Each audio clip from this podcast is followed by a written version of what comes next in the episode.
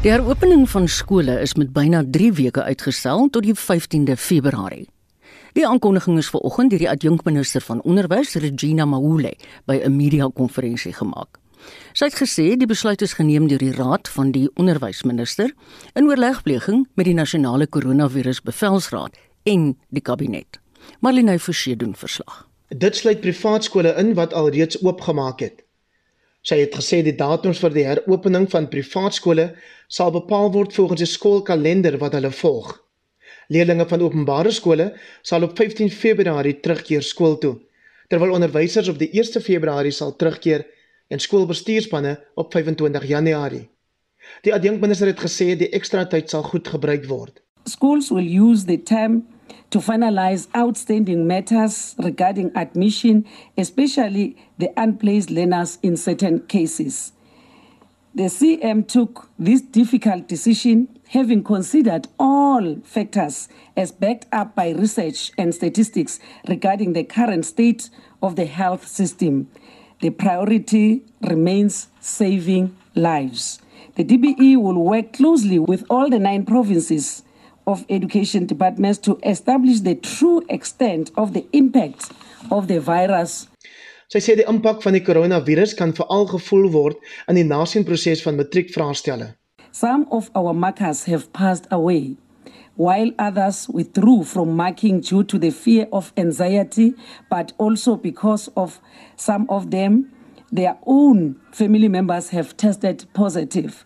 In the majority of cases, the educators indicated that they had attended funerals or ceremonies attended by big groups of people, resulting in gatherings that were not monitored for compliance with the health protocols. Maar hulle sê alle belangegroepe is geraadpleeg in die besluit om die akademiese skooljaar later te heropen en almal ondersteun die besluit. All of them, including those that are leading private schools, they supported the department. The challenges are facing us, and we need to come together and work together as a country and to save lives.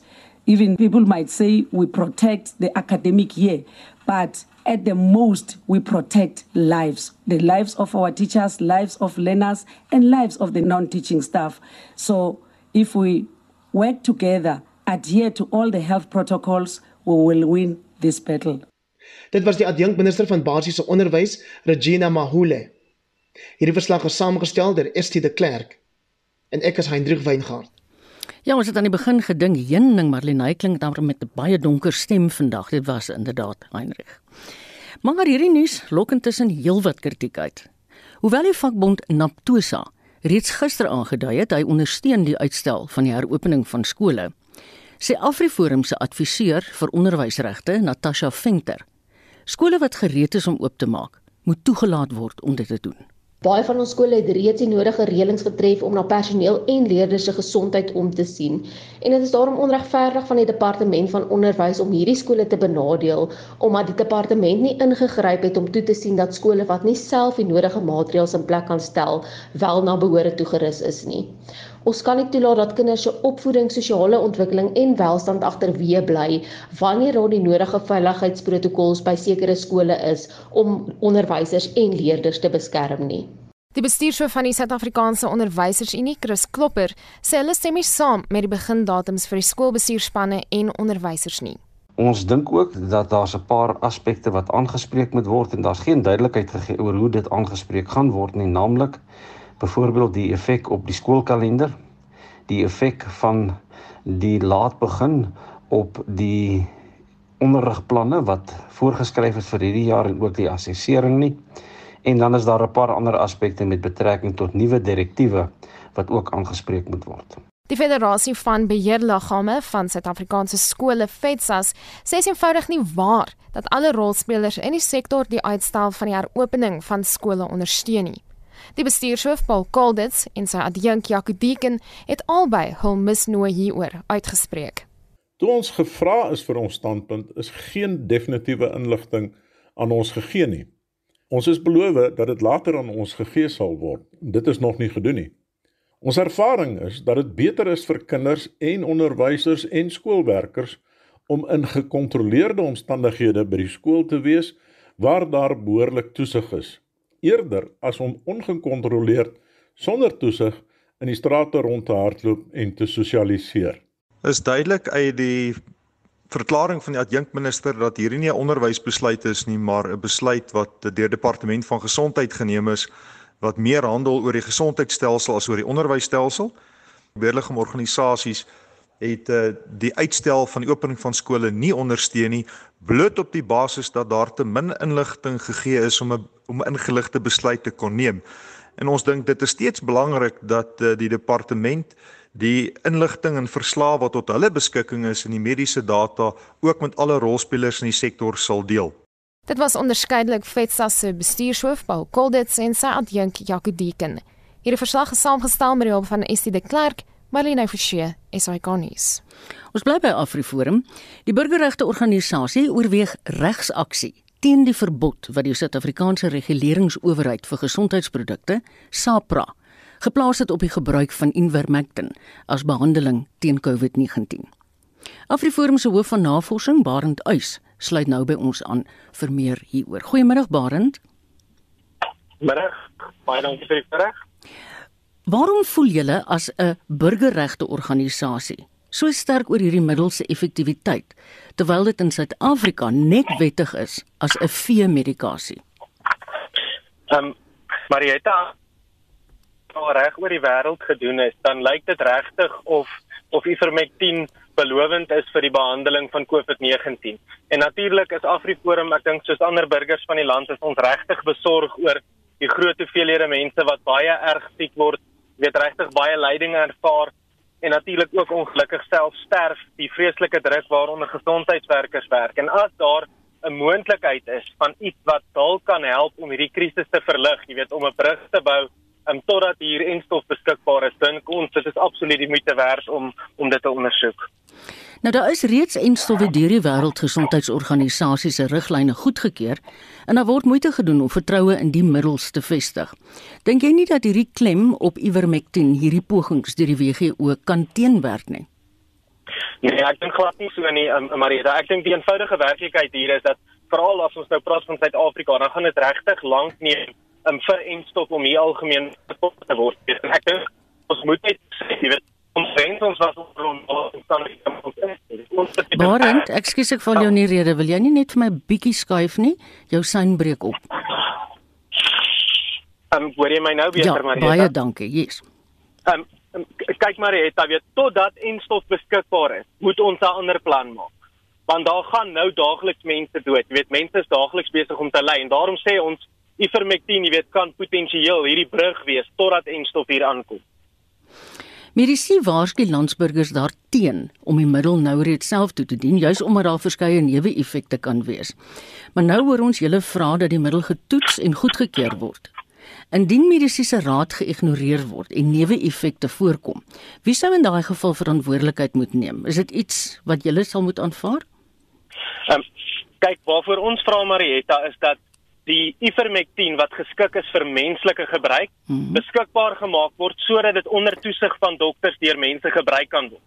Die werklikheid tans is dat mense hulle wend tot dieremedikasie wat Ivermectin in het en dit dan sonder die toesig van dokters gebruik. Mm. En daar's niks wat ons daan kan doen om dit te keer nie. So om die risiko van oordosering in die gebruik van dieremedikasie te keer, moet ons sorg dat Ivermectin wat geskik is vir menslike gebruik en dit word al 4 dekades deur mense gebruik, beskikbaar is en dat dit deur dokters aan mense voorgeskryf word en onder hulle toesig gebruik. Goed. Baie dankie Barend. Ek is seker in hierdie dae gaan ons nog baie met julle gesels. Dis Barend Uys, navorsingshoof by AfriForum.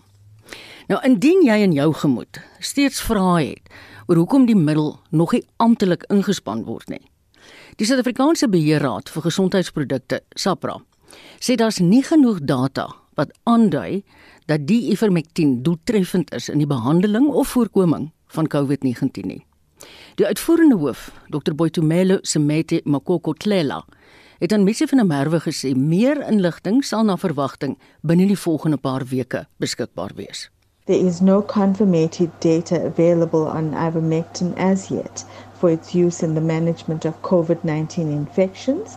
And when SAPRA says confirmatory data, it is the widely peer reviewed data that is available In terms of safety and efficacy, there's no evidence to support the use of ivermectin, and we do not have any clinical trial evidence to justify its use.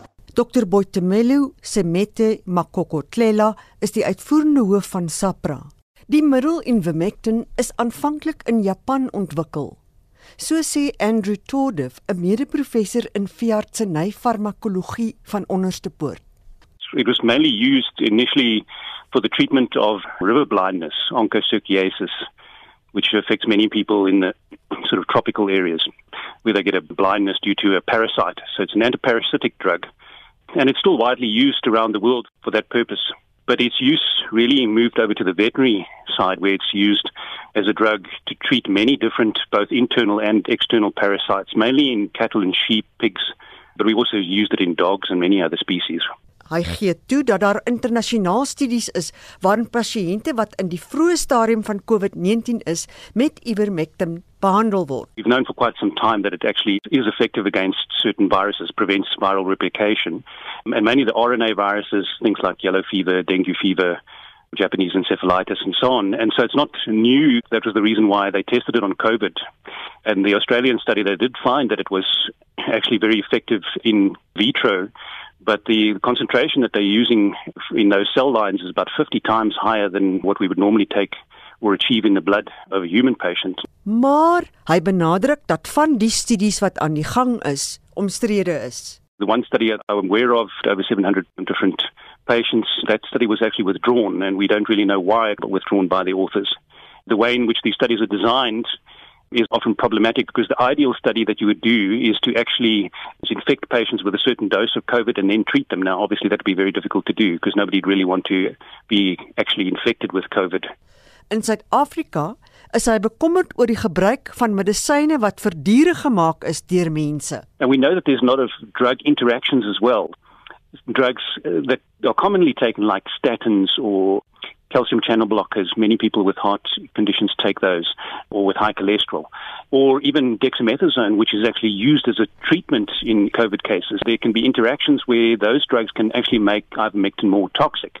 And then you can get a number of neurological side effects with where you can become dizzy or you can even if you take enough if you develop severe side effects you actually can go into a coma. Die van die maatskappy Afriwet, Oberum, waarsku ook teen die gebruik van ivermectin om COVID-19 te voorkom. There are no registered medicines for use in humans containing ivermectin in South Africa. People are trying to use the animal medicines to treat and or prevent COVID. The compound itself probably is not dangerous. However, the formulation and the dose rate is always of critical importance when it comes to efficacy and safety. These have not been tested locally, and therefore we're saying nobody should use an animal health medicine to treat themselves for COVID. Dr Pieter Oberem is die eienaar van die maatskappy Afriwet. Mitsi van der Merwe, SAK nuus. Die SAIK ondersoek intussen verskeie kenners se waarskuwings dat landsburgers wat negatief toets vir COVID-19 hulle weer moet gaan toets. Dit volg nadat verskeie mense se negatiewe uitslae na bewering foutief is. Vir meer hieroor en ander bekommernisse, praat ons nou met die voorsitter van die Suid-Afrikaanse Mediese Vereniging, Dr. Angelique Kutse. Hallo Angelique. Middag en 'n goeiemiddag aan al jou luisteraars daar buite. Die uitslag van COVID-19 toetse word nou reeds 'n geruime tyd lank bevraagteken. Nou is daar hierdie beweringe. Is dit moontlik en indien wel, moet ons bekommerd wees? Ja, dis 'n baie moeilike vraag. Ek het hierdie selfde vraag ehm um, dink 'n week terug op die een van die MEC komitees gevra. En daar is my gesê dat die die huidige ehm um, variant wat ons nou sien, die V2 ehm um, is eintlik as jy hom toets ehm um, sy baie as hy positief is, is hy positief. Dit is eintlik omdat hy so klomp virusse in met so so hoë viruslading het, mm. is hierdie toetse aan veronderstel om eintlik baie mooi positief te wees. En hulle dink nie daar is fout met die met die PCR toetsing van hierdie virus nie of die resultate nie en dit ek sê maar dan moet dit seker nou maar ek bedoel as die toets nou so so goed is dan moet die toets dan moet die probleem of lê by die operator by die die die die die tegnoloog of die persoon wat die toets doen of dit moet lê in die oue um, ketting wat ook moet gevolg word as jy mm. hierdie toets klaar gedoen het want ek het ook gesien in my eie kamers dat daar pasiënte wat absoluut 100% korrekte simptome klinies pas dit ook in by wat ek kry en maar die toets is negatief. Dit maak geen sin nie. Dis hoekom ek daai vraag gevra het. So ek is ook in die duister um oor oor die antwoord wat gekry het wat vir my gesê het hierdie toets is eintlik 'n wonderlike toets vir al hierdie die, die tweede groep COVIDs wat ons nou sien. Angelique, so wat moet ons gewone gepepel nou doen wat die toetse betref? Hoeveel keer moet 'n ou jouself laat toets om seker te maak jy uitslaas reg? Dat dan geld jy het. Ehm want want die elke negatiewe toets gaan die fonds vir jou sê jy moet self betaal. Ja. Okay, kom ek maak dit makliker. Dit is een van die probleme wat ons tans het is mense wat net sommer gaan toets. Hulle hulle gaan hulle gaan net in die beeld wil sy vriendin het dit nou gehad of die ouma se oom se tannie het dit gehad en jy's nou jy, jy het nou net ek seker en jy jy moet nou gaan toets. Nou sit ons met die probleem. As jy gaan toets en jy's nie siek as jy gaan toets nie. En jy's positief. Hierdie toets kan nie vir my onderskei tussen akute virusinfeksie en baie partikels wat jy uitskei nie. So nou sit ek in die dilemma ek het 'n pasiënt wat deur weer iemand se ander se familie en nou wil hy gaan toets. Nou, en die ding is positief. Nou, wat wil jy nou as jy siek mevrou? Nee, ek is nie siek nie. Nou, mevrou, dan moet jy nou maar vir 10 dae gaan self ehm um, isoleer of kwarantyne, dis die korrekte woord om te gebruik en dan as jy siek word of enigiets verander, dan moet jy my kom sien. Want daar's niks wat jy eintlik met hierdie toets kan maak nie, want as die pasiënt nie akut siek is of klinies siek is nie, kan dit 'n ou toets wees wat jy nog steeds virusse uitskyn, jy kan positief wees of jy kan in die 4-5 dae voor jy simptome begin ontwikkel kan jy jy kan nou in daai fase wees. So die toets onderskei nie tussen daai en dit is wat dit so moeilik maak. So, as jy wil as jy as 'n leek, as jou dokter vir jou vra, is jy siek en jy sê nee, maar jy weet my tannie se sussie het dit gehad en ek was nou 3 weke terug by hulle gewees.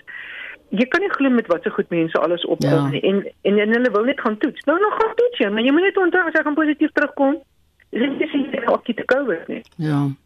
En ek wil ook hierdie vraag antwoord nie. Nee nee, ek hoor jou, ek hoor jou. Onthou jy destyds met die verskriklike inperke onder vlak 5? Toe het hulle gesê dit was om voorbereiding te tref vir die massas mense wat in die hospitale behandel moet word.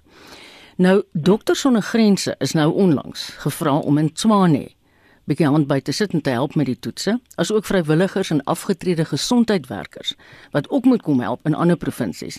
Dink jy ons was ooit reg vir die massas gevalle wat ons nou sien? Nee, Ek dink jy daar's een een hospitaal in die hele wêreld wat gereed is daarvoor, nie? So nog te weet net om net om dit as hulle begin te sê. So so ten tweede dan, as daar geen hospitaal in die hele wêreld is wat eintlik altyd gekeer sal wees om hierdie tipe siektes te sien nie, des te meer gaan ons veral in Swane dit nog minder reg kry as die res van die wêreld hoe hel gaan ons nie nog meer sukkel daarmee nie.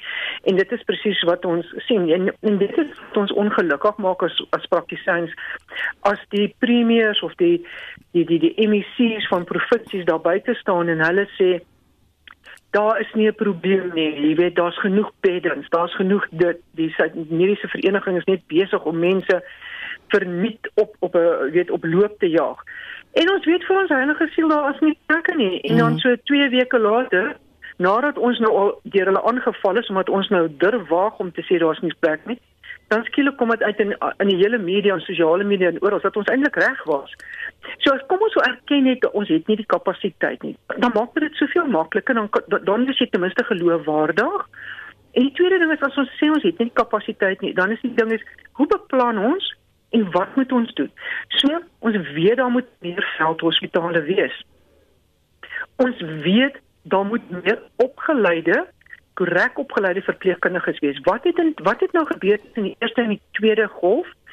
Is enigstens in die op die op op op op verpleegvlak dringend begin kyk om klomp verpleegsters net um, op te lei hoe om dan in intensiewe sorg in dit te werk en in hoërsorg. Mm. Dit kan net kan kan help en magtig. Ja. Maar ja, ek hoor niks van die goed nie. Ja, mens onthou dit is 'n verkiesingsjaar Angelique. Hoorie, ek wil jou asseblief jou opinie vra oor Ivermectin. Moeilike ding.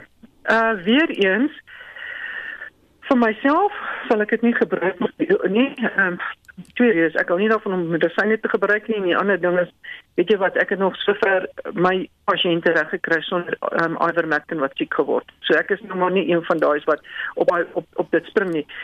Die die die groot ding is ehm um, die SAPRA die die die die die, die ons ons wag ons ja. mediese eh uh, medisyne beheer.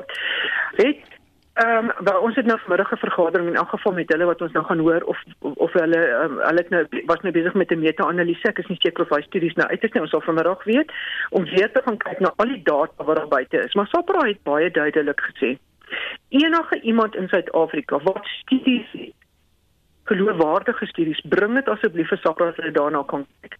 Mm. Hulle het ook gesê enige dokter of enige iemand wat besig is wat voel hulle wil hulle wil ehm 'n studie doen in Suid-Afrika hieroor. Kom kom kom na SAPRA toe ja. en lê dit voor en hulle sal dit ondersteun. Goed. Daar was tot nou die niks zulch. Maar almal almal spring op hierdie bandwagon. Dit is presies dieselfde wat ons gesien het met ehm um, die malaria pille, die chloroquine. Mm. Wat Hulle presies, ek bedoel chloroquine was vir die arme malaria ouens nie eens meer beskikbaar gewees nie, so die mense dit opgebruik. So ivermectin Ehm um, daar is nie 'n standaard dosis, nie die as jy na die studies gaan kyk wat daar is, is klein studies, dis studies wat wat nie almal dieselfde dosis gebruik nie. Daar's nie die daar's nie daar's nie 'n spesifieke riglyn wat almal gebruik om te sê dit is hoe dit moet wees nie. Dit is wat ons gekry het as ons hierdie dosis gebruik nie dit is wat dit ehm um, inhou met mense wat kroniese siektes het wat wat wat in in intensief lê en hier is wat dit hier's wat ons sien is dit ons het gebruik vir mense voorkomend want dis waar die ek dink dis waar die hele publiek nou na aardklik om dit voorkomend te gebruik.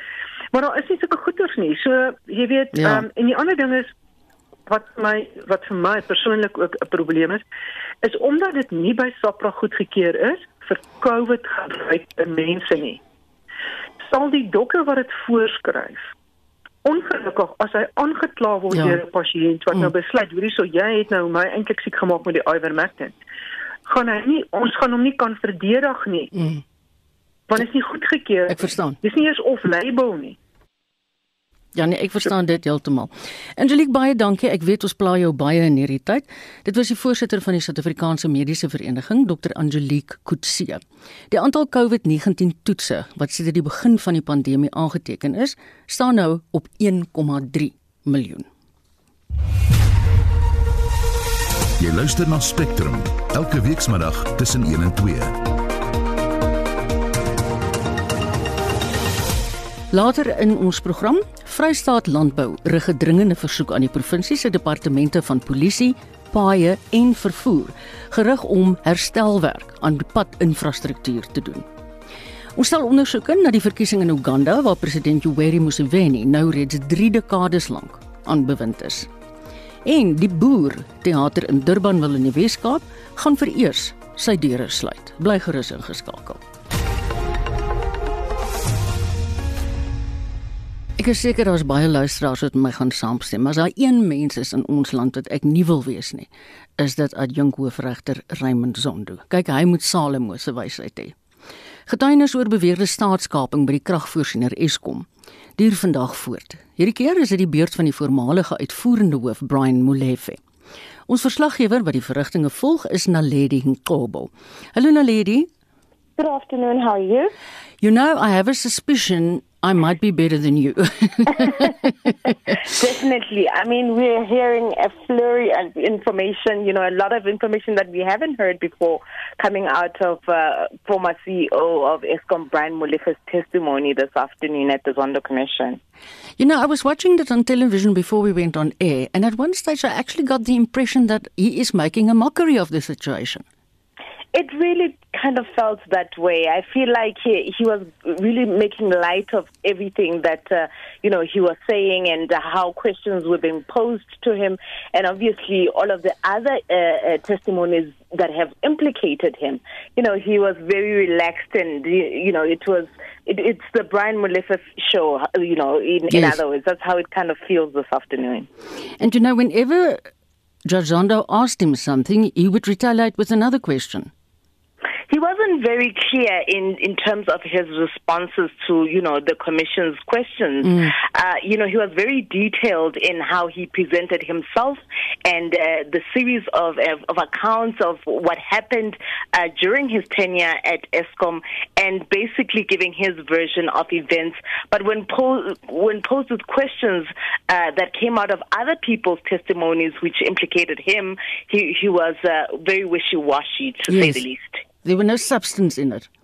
Right, right. Yes, his focus mainly was, uh, you know, around implicating uh, the current president uh, Cyril Ramaphosa, who was, of course, a deputy president uh, during the time that uh, he is being referred to when Eskom, when Brian Molefe entered uh, Eskom as the CEO, and basically he's putting the president at the center of some of the bad decisions which led to, you know, the draining of money at Eskom, you know, related mostly to the contract in which Eskom entered into with the Glencore, which saw billions and billions of uh, mm. Eskom funds uh, being drained uh, for uh, basically inflated uh, coal price contracts with uh, Glencore. Now, lady, is he going on this afternoon? We are going to be hearing, uh, you know, a, a, lot more of his testimony. It seems that he's the only, uh, uh, you know, evidence provider or, or witness that has been scheduled to testify this afternoon. Okay. So it's basically him for the whole day. Uh, but of course, he's only touching on matters relating to Eskom, and uh, he might be called back by the commission to come and account for, you know, other things that has have come out, yes. you know, relating to Transnet and other SOEs where he he has had a hand in. Yeah, and he's also had a hand in the SABC one stage. Um, I want to ask you what's happening next week. Uh, we have not been given any indication okay. as yet by the Commission as to who will be appearing. Uh, for the moment, we are only listening to Brian Molefe. It's not clear whether he's actually coming back next week or it will be at a much later okay. stage. Thank you so much, Naledi. Dit was ons verslaggewer, Naledi Nkobo. Vrystaat Landbou het 'n dringende versoek aan die provinsie se departemente van polisie, paaie en vervoer gerig om spoedig herstelwerk aan die padinfrastruktuur te doen. Dit volg op die onlangse oorstromings daar wat padvervoer erg benadeel. Ons kry nou meer insaai oor van Tommy Esterhuise, visiepresident van Vrystaat Landbou. Hallo Tommy. Goeiemôre Marita en môre aan die luisteraars ook. Presies, hoe erg is die probleem Tommy? Marita, dis baie erg. Ehm um, ons het in die Vrystaat ongeveer 40000 km grondpaaie waarvan 85% in 'n baie slegte toestand is. So wat 50 ag 5% is sleg en die res is redelik bevredigend. Maar dit is baie sleg. Ons het 6000 km teerpaaie wat vol potholes is die die pad wat die beste is deur die Vrystaat is die N1 op die oomblik en die alternatiewe roete van die N1 deur Brandfort. Ons het uh, gevra vir 'n gesprekvoering met die MEC Bulwani. Ek kan vanmiddag bekend maak dat hulle teruggekom het na ons toe. Ons gaan 'n virtuele gesprekvoering hê Dinsdagoggend met hulle waar tydens ons ons probleme gaan indra. Maar in die praktyk is dit baie lelik. Jy weet dit dit kos so wat 685 000 rand om 'n grondpad te hergrys en ongeveer 1,9 miljoen rand om 'n teerpad reg te maak. Die tenders wat uitgaan is ver bo dit. Daar word fondse verkoos as gevolg van onnodige hmm. korrupsie en hmm. tenders wat toegestaan is mense wat tussen beide tree. In die praktyk die probleme wat ons nou ervaar is die grondpaaie op plase so verspoel. Boere kan nie produkte mark toe vat nie. Boere kan nie gesaaides wat gestroop is inry na silos toe nie. Um ons sit met 'n ander baie groot praktyksprobleem waarvan ek persoonlik ervaring het. En en dit is in die Helbron omgewing waar ons uh, ambulanse persoon op 'n plaas moet gaan haal maar hy kan nie want die pad is onbegaanbaar. Ons sit met boere wat mense moet aanry taksies wat pensionaarsse wat op plase woonagtig is moet gaan haal wat ook nie meer die paaie kan ry nie en die probleem word net eenvoudig nie aangespreek nie gedurende September 2019 het Heilbron Landbou reeds 'n versoek aan die MEC vir landbou gerig. Het hom gesê asseblief kom besoek ons kom vergewis jou van die omstandighede van die paaie. Daar het nog geen enige reaksie gewees daarvan nie. Intussen het die paaie net verder agteruit gegaan en meer verswak. Ja. Die president van Vrystaat Landbou, François Wilken, het nou klaar aangedui dat julle intern 'n plan ontwikkel om die paai te herstel. In geval julle nie gewenste reaksie kry nie, wil dit klink my julle kry nie. Hoe ver is daai plan van julle? Goed, ons het ons het vanmôre 'n vergadering gehou daaroor. Ons het baie besluite geneem, maar in kort kom dit daarop neer ons gaan regsadvies inwin om te kyk hoe ons self die paaie kan herstel en fondse daarvoor kan verhaal of fondse kan bekom om dit self te herstel. Ja, want die ironie is soos jy net nou tereg gesê het, daar was fondse daarvoor bewillig en dit is verkoos. Dis korrek, dis korrek. Ons weet van baie sulke gevalle waar tennis toegestaan is waar daar ons ons dra kennis van gevalle waar die koste, die werklike koste 1,9 miljoen per kilometer beloop vir 'n teerpad mm. waar die tender wat toegestaan is 9 miljoen per kilometer ja, beloop ja, het. Ja, nee, ek is met jou. Ek het gister met professor Andre Dievenage van Noordwes Universiteit gesels oor die probleme in Noordwes, maar ek is seker daarvan in die Vrystaat kan julle saamgesels. Ja, nee, kyk 2017 tydens 'n verslag wat uitgebring is, was dit reeds aangedui dat die Vrystaatse paaie in die swakste toestand is. En wat baie belangrik is, ons sal die hele gemeenskap hierby moet betrek om hier 'n ja. verandering te bewerkstellig. Want ek weet in plattelands, diep plattelandse gebiede is die boere altyd baie bereid om self aan die grondpaaie te skraap en wat ook al. Maar ek bedoel as dit so oorweldigend baie is, dan kan jy nie by alles self uitkom nie. Ja, dit is ongelukkig so. Die boere doen baie self, maar nou moet ons ook onthou dat ons kan moontlike siviele eise in gesig staar as jy self aan 'n pad werk ja, sonder die mm. goedkeuring mm. van die die mm. baie owerhede. Tommy baie sterk. Ek is ten minste bly jy het reën gekry, hoor. Dankie, dit reën nog steeds lekker. Die bloemfontein Marita. Dis Tommy Esterhuis, hy is die visiepresident van Vrystaat Landbou. Gastehuiseienaars en boere langs die Vaalrivier naby Bloemhof in Noordwes sê hulle het ernstige skade en verliese gely aan inkomste. Dit nadat die Bloemhofdam se sluise glo sonder waarskuwing van die departement van water en sanitasie geopen is. Boere sê hulle kon nie hulle waterpompe betyds red nie en mense wat naby die rivier kampeer en visvang moes ontruim word. Hendrik Weingart het vir ons die besonderhede.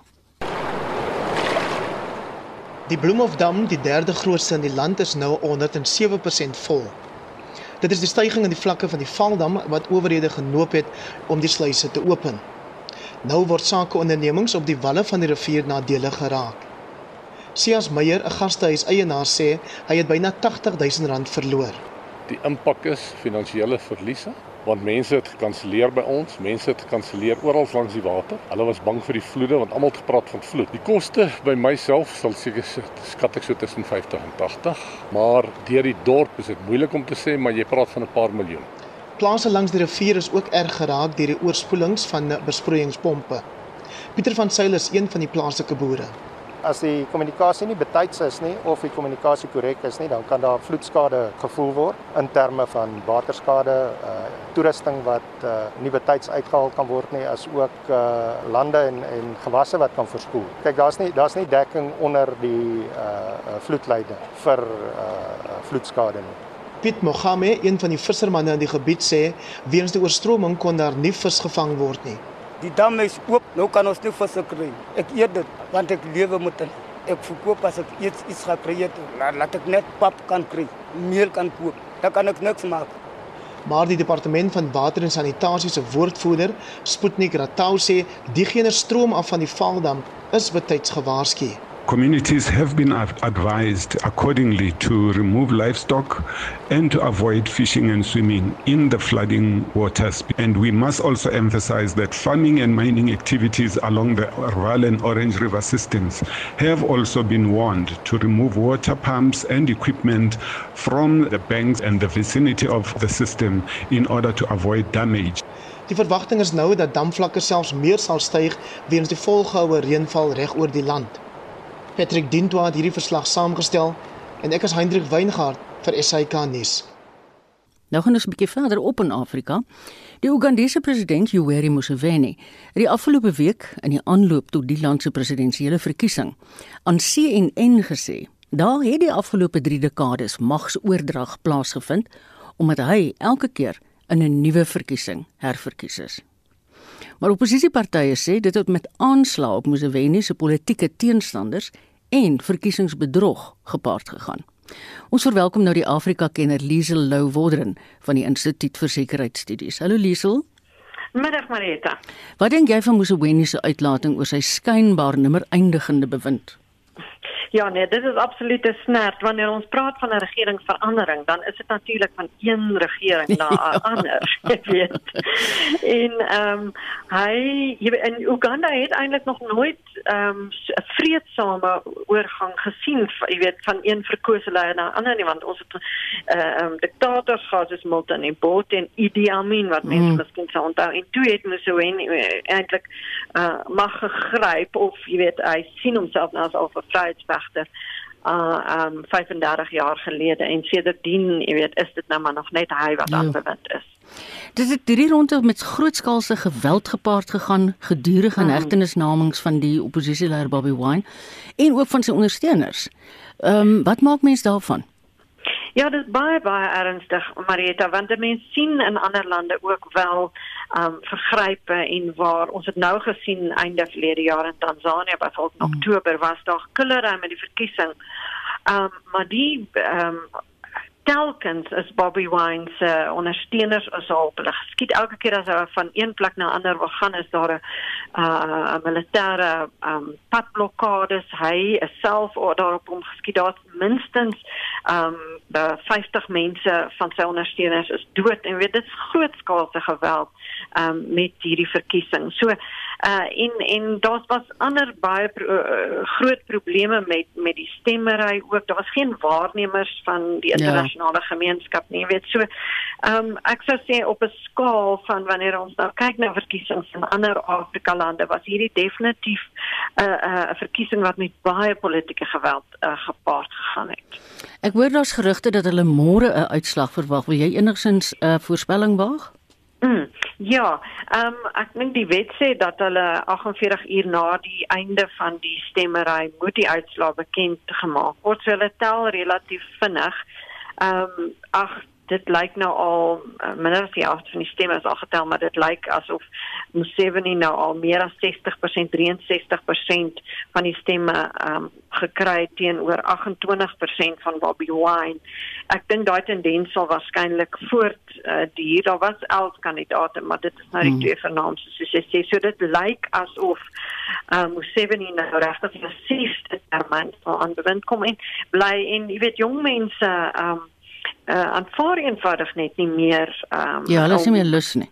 Hulle is nie meer lus nie. Mm. Hulle is die groot meerderheid uh, van die bevolking is onder is jonk onder 16 jaar oud en um en dis hoekom Bobby Wine nie net in um Uganda nie, maar reg oor Afrika het hy nou so 'n charismatiese figuur geword. Ek het selfs hier in Suid-Afrika gesien mense met teemde. Ja, ja. So, ja, rondom Bobby Wine.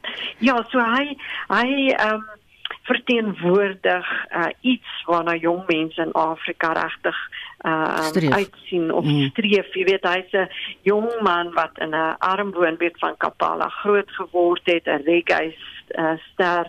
Ek's nie so seker hy het baie soliede weet ekonomiese en sosiale planne vir Uganda nie, maar minstens hy as hy die regte mense rondom hom kry, um, kan hy hy het net soveel mense wat hom ondersteun, jy weet, dan kan dit vir mense hoop gee vir 'n beter ja, toekoms want ek bedoel ja, mm. ou wat nou al daar is vir 35 jaar, dit, dit maak mense gefrustreerd en, en hopeloos basies. Ja. Liesel, ek wil jou begin vra, mm. die huidige president, sê net vir my sy ja. voornaam en sy van hoe jy dit uitspreek? Yoweri Museveni. Ek Museveni. Ja, dis nou, nou maar. Nou my. Dis nou maar ek nee wat mense praat van Kenia of Kenia. of van Liesel. ja, maar ek dink ehm um, ek weet die mense in Uganda dink ek baie keer. Nee, dis weer reg. Nee, maar dan leer ons, ja. dan leer ons. Dankie mm -hmm. hoor, ek waardeer jou tyd. Liesel Lou Wodren, sy is 'n Afrika kenner, sy is verbonde aan die Instituut vir Sekuriteitsstudies. Die volgende bydrae gaan baie mense dink ek nogal ontstel vir al Kaapenaars. Die Boerteater in Durban wil in die Weskaap gaan vir eers sy deure sluit.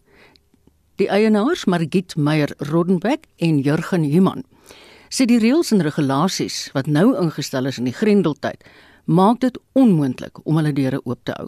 Ons praat nou met Margit. Ons gaan net gou uh, iets anders speel en dan kom ons terug na ons al so pas op die lyn verloor. RSG se middagvervolgverhaal Goue Koors elke maandag tot Vrydagmiddag kwart voor 3. Oom kan maar inskakel op by data. Ek het in elk geval hoop gratis data op my selfoonkontrak en gebruik dit nooit. Dan moet jy net vir my die wagwoord gee. Hmm, moet ek dit neerskryf? Sê maar net ek neem dit op. OK. My foon se skakelpunt naam is Mornelicious. Mornelicious. Kan jy dit vir my spel? Ja. M O R N A I L E S C I O U S ja.